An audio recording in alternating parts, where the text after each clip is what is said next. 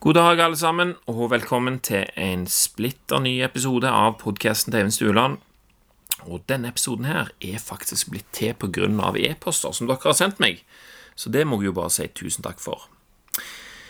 Hvorfor er det sånn at vi noen ganger syns det er vanskelig å gjøre noe som vi sjøl har lyst til?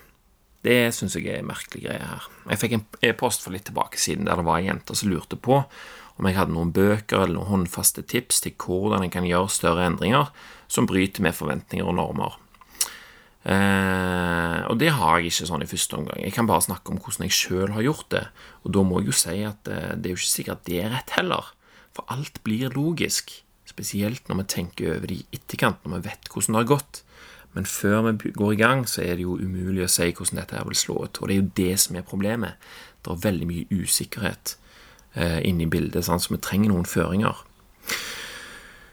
Og det er faktisk akkurat føringer det skal uh, handle om i dag. Og um, ikke bare de føringene som vi ser for oss at vi trenger sjøl til å gjøre det som vi har lyst på, men òg hvordan vi blir ført til å gjøre ting som vi ikke har lyst til å gjøre.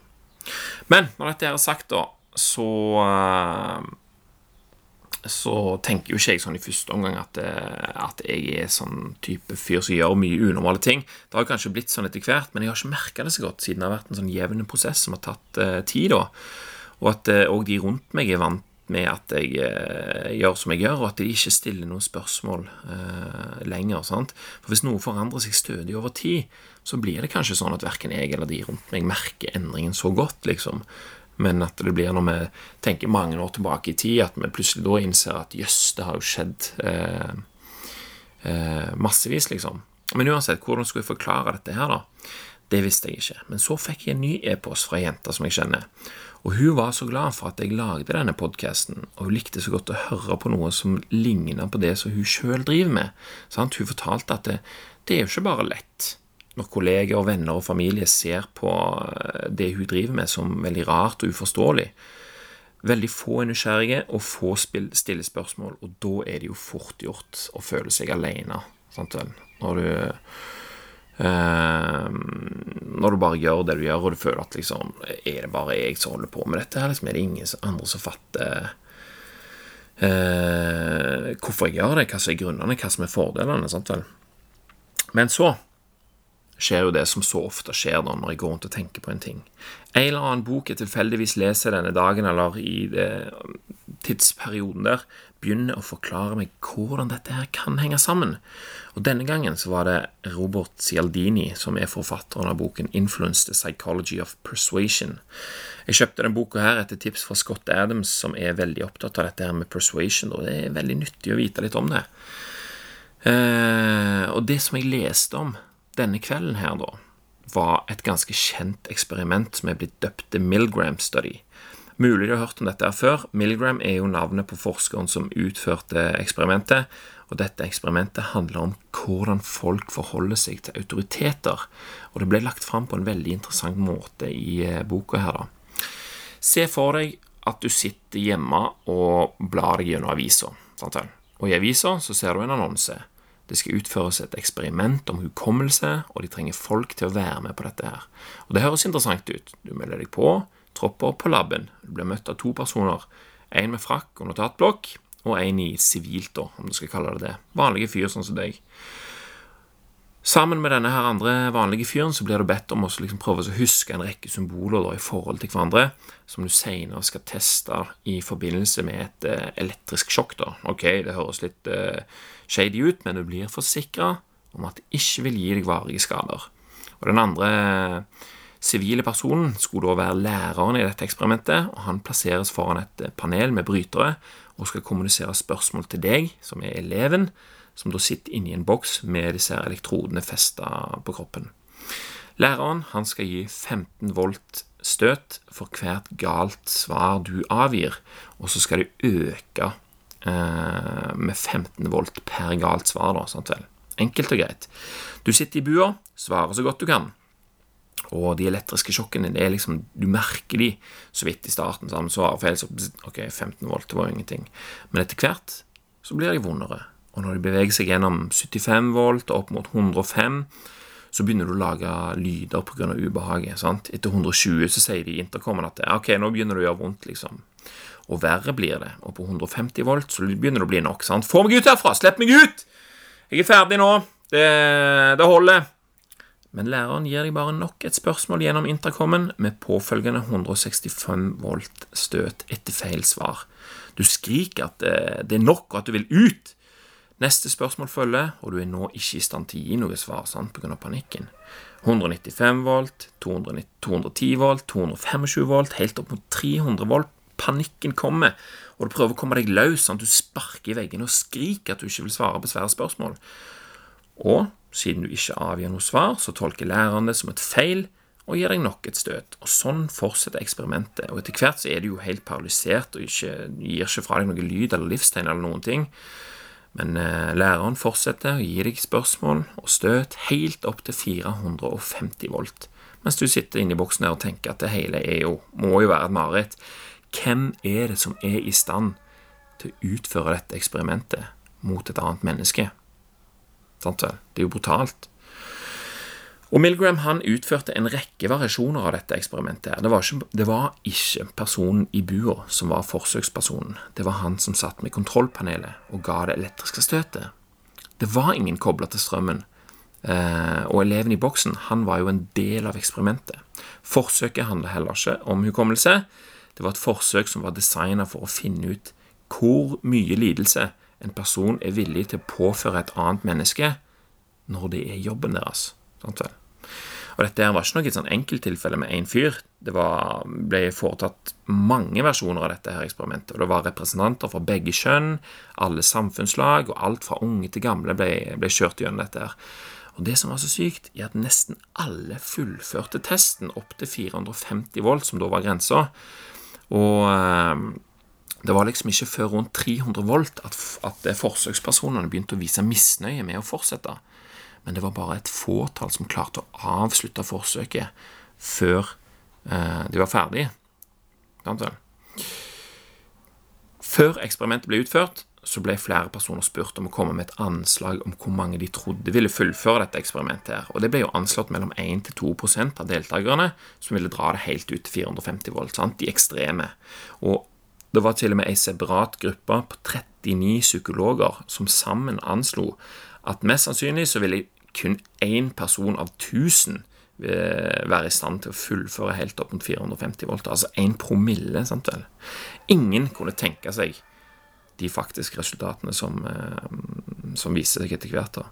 Og det som gjorde utslaget her, på hvorfor folk fullførte, det var jo autoriteten i frakk og med notatblokk. Forsøkspersonen stolte blindt på lederen av forsøket og utførte i henhold til instruksene, til tross for sine personlige tvil. Til og med når offeret fortalte testpersonen at han hadde hjerteproblemer og begynte å føle seg dårlig i løpet av eksperimentet, og at han nekta å fortsette, så fullførte 65% av forsøkspersonene helt opp til 450 volt. Det er heavy greier, altså. Alle var overrasket over dette. her. Kan dette henge sammen med hvordan vi oppfører oss og handler i det daglige? For det er jo ikke bare personer i frakk og med notatblokk som er autoriteter som vi forholder oss til.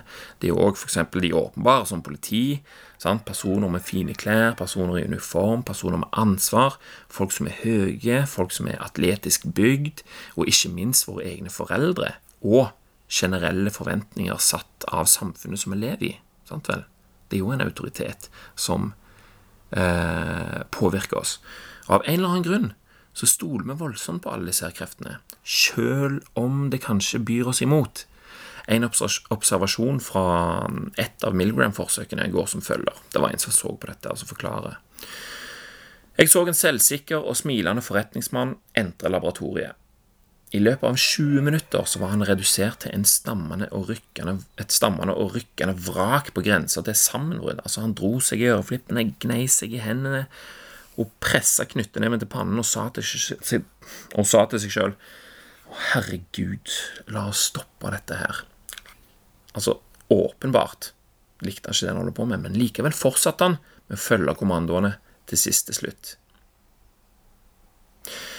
Og det er ikke bare i eksperimenter det blir tydelig at vi stoler blindt på andre. Flere eksempler i, i denne her boka, da, som jeg for øvrig anbefaler, viser dette her. Og en av de handler om en togfører, eh, eller to togførere, som skulle kjøre ut en våpenlast fra en togstasjon i USA eh, med våpen på vei til, til Nicaragua. Da. Så var det pro, Unnskyld. Så var det protestanter som hadde lagt seg på togskinnene, tre stykk, og lokførerne de ble jo beordret til å kjøre rett mot dem. To av dem kom seg vekk, mens han ene fikk beina kappa av rett under kneet. Det høres jo jækla greit ut. Ikke bare det, men i 45 minutter så ble kona og sønnen til offeret vitne til at militært helsepersonell på stedet nekta å behandle vedkommende. Og de nekta òg å kjøre han til sykehuset i leiren like ved. sant? De ble bare etterlatt til seg sjøl måtte eh, stå og ta, ta, seg av dette mens de venta til en privat sykebil kom. Og offeret, som var da faktisk en veteran fra Vietnam, han ga ingen skyld eh, til de som skada han, altså de som kjørte toget, eller til de som nekta å hjelpe han. Han pekte på systemet som førte til handlingene. altså De fulgte bare ordre, akkurat som jeg gjorde i Vietnam, sa han. Togføreren endte faktisk med å saksøke denne her mannen for den psykiske skaden som han hadde påført de, mens autoriteten som beordra oppførselen, var det ingen som gikk etter. Sammen. Og òg i situasjoner, vanligere situasjoner så viser det seg at vi stoler på noen som vet bedre. Vi går bare ut ifra at de vet bedre, og stiller ingen spørsmål. Spesielt på sykehus. da. En sykepleier har jo i utgangspunktet veldig god peiling på hva som gjelder. Men den peilingen legges gledelig bort hvis det er en lege som beordrer noe annet. Sant? De er vant med at det, det legen sier, det er det de skal gjøre. Trenger ikke noen forklaring. Og øredråper gitt i rumpa til en pasient med ørebetennelse, det vitner jo om det. Altså, Det gir jo ikke helt mening å gi øredråper i rumpa når en har betennelse i øra, men er det det doktoren har sagt, så er det det som gjelder. Dette eksempelet her var jo da en lege som hadde skrevet litt uh, utydelig på en lapp, uh, som førte til at sykepleieren tolka det sånn, da. Og selv om det virker ulogisk, så var det det som ble gjort. De er vant med å følge ordre og stole på at legen har rett, så det stilles ikke noe spørsmål. Ikke engang om det beordres en skadelig dose medisin til en som ikke skal ha den, fra en Altså, eh, det som er reglene da, i, i, dette her eksperimentet som ble nevnt, var at, eh, at eh, resepter og, og, medisiner som skal gis til, til, pasienter, det skal ikke komme fra telefonen, og det skal eh, Du skal dobbeltsjekke dosen og liksom en del sånne prosedyrer som skal skje da. Men så utførte de et eksperiment der det var en fyr som tok på telefonen, ringte, presenterte seg som lege og eh, beordra en skadelig dose medisin til noen som ikke skal ha det, altså fra en ukjent person, da. Det var bare sånn Ja, hallo, det er eh, lege Johnsen her på telefonen, og kan du gi denne den medisinen til denne den pasienten? Sånn vel? Og selv om sånne beskjeder over telefon ikke skal føles, så ble likevel ordrene fulgt opp da. Og når vi vet disse tingene her, så kan det bli litt lettere å stoppe oss sjøl og dobbeltsjekke hva vi holder på med. Stille oss sjøl et spørsmål, gjerne. For um, selv om det kan være Vi kan føle at vi er i ferd med å utføre en handling eller uh, gjøre noe som for, alt vi vet, kan være veldig viktig for resten av livet vårt, så stiller vi oss ingen spørsmål, vi bare gjør det. Og så finner vi ut kanskje seinere at eh, grunnlaget for handlingen din var feil, da. Sant? Eh, I alle fall så har jeg gjort det et par ganger. Eh, har du noensinne gjort noe som du ikke vil, eller som ikke gir mening, men så har du liksom bare skjerpa deg og fullført det likevel, fordi det ble forventa av deg, eller at noen du anser som en autoritet, har anbefalt deg å gjøre det? Jeg vet at jeg har gjort det, og kan dette være en av grunnene til at det er så vanskelig å gjøre noe annerledes, til tross for at det er det vi vil? Altså, Er vi redd for å bryte med anbefalingene til de autoritetene som preger tilværelsen vår? Og er det det som gjør at vi føler oss litt sånn skyldige når vi drister oss til å gjøre det likevel? Jeg vet ikke, altså. Dette er jo bare sånne ting som vi kan tenke på. Men det var det jeg tenkte når jeg leste dette, her i hvert fall. Og det er ikke sikkert at det er rett, men vi kan fremdeles bruke denne innsikten til å gjøre det litt lettere for oss sjøl. Og det er ikke alltid enkelt å forstå hvilken autoritet som får oss til å gjøre sånn som vi gjør. Jeg fant ut f.eks. at jeg gikk på BI pga. mora mi. Og det var liksom skikkelig vanskelig for meg å å slutte på skolen. Sant? Jeg, jeg visste at det var ikke noe som jeg hadde bestemt meg for, men jeg visste at jeg gjorde det likevel pga. noe. Og jeg visste ikke hvorfor jeg gjorde det, og jeg visste ikke hvorfor jeg hadde slutta, eller det fant jeg ut senere. Men jeg slutta, flytta til Kina, og det var som å rive av et plaster, liksom. Og i Kina så var det ingen av de autoritetene som jeg var vant til å følge. Og da hadde jeg jo fritt spillerom til å kunne gjøre akkurat som jeg ville. Og eh, når jeg hadde vært der, jeg var der i seks måneder, da, og når, ved oppholdets slutt så beskrev en av mine kinesiske venner meg, meg sånn som dette her. You, you like old Chinese man. Jeg tenkte hm, helt greit for meg. Jeg ante ikke at jeg oppførte meg som en gammel kineser, og jeg brydde meg ikke om det når jeg fikk vite det heller. Men når jeg tenkte meg om, så syntes jeg det var ganske kult, og jeg satte pris på at jeg ble sammenligna med en gammel kineser. Jeg har jo respekt for gamle kinesere, og jeg hadde sikkert fulgt hvert råd en slik hadde gitt meg, uten å mukke. sant? Og jeg har på følelsen av at ved å være vekke alene og ikke trenge å bry meg om noen i seks måneder, så kvitta jeg meg med mye av mine automatiske handlinger i forhold til autoriteter og forventninger. Og når jeg returnerte, da, så var jeg så godt i gang at jeg bare fortsatte på et vis. Og nå er det sånn at eh, Eller, unnskyld. Nå er det ikke sånn at jeg ikke respekterer noen autoriteter eller forventninger, men terskelen for å stille meg spørsmål om hvorfor jeg skal gjøre noe på en bestemt måte, er lav, og da finner jeg ofte ut om det er hold i å følge opp, eller om jeg skal vurdere andre løsninger. Sant? Og det er ofte å finne ut hvorfor noe er vanskelig, som åpner opp for andre muligheter. Og det jeg kan si, er at det er veldig nyttig å sette deg ned og skrive hvorfor er dette vanskelig for meg. Og det er jo noe som vi ofte er lite vant med. Men det tar ikke lang tid før svarene kommer av seg sjøl. Like fort som de svarene kommer, så blir det jo da tydelig om det er noe å bry seg om eller ei. Skal du gjøre det, eller skal du ikke? Hvis det er det du lurer på, sett deg ned og skriv, så finner du det ut. Og det var det for i dag, folkens. Anbefaler boka som heter 'Influence The Psychology of Persuasion' av eh, Robert Cialdini. Han er en ekspert på, um, på dette her.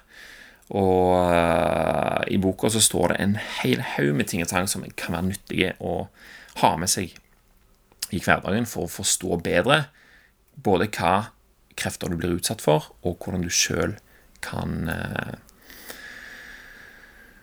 oppføre deg for å få til det du vil, i større grad. Og det var det for i dag. Takk for nå. Takk for meg. Og ikke minst, tusen takk til deg som hørte på. Vi snakkes neste gang.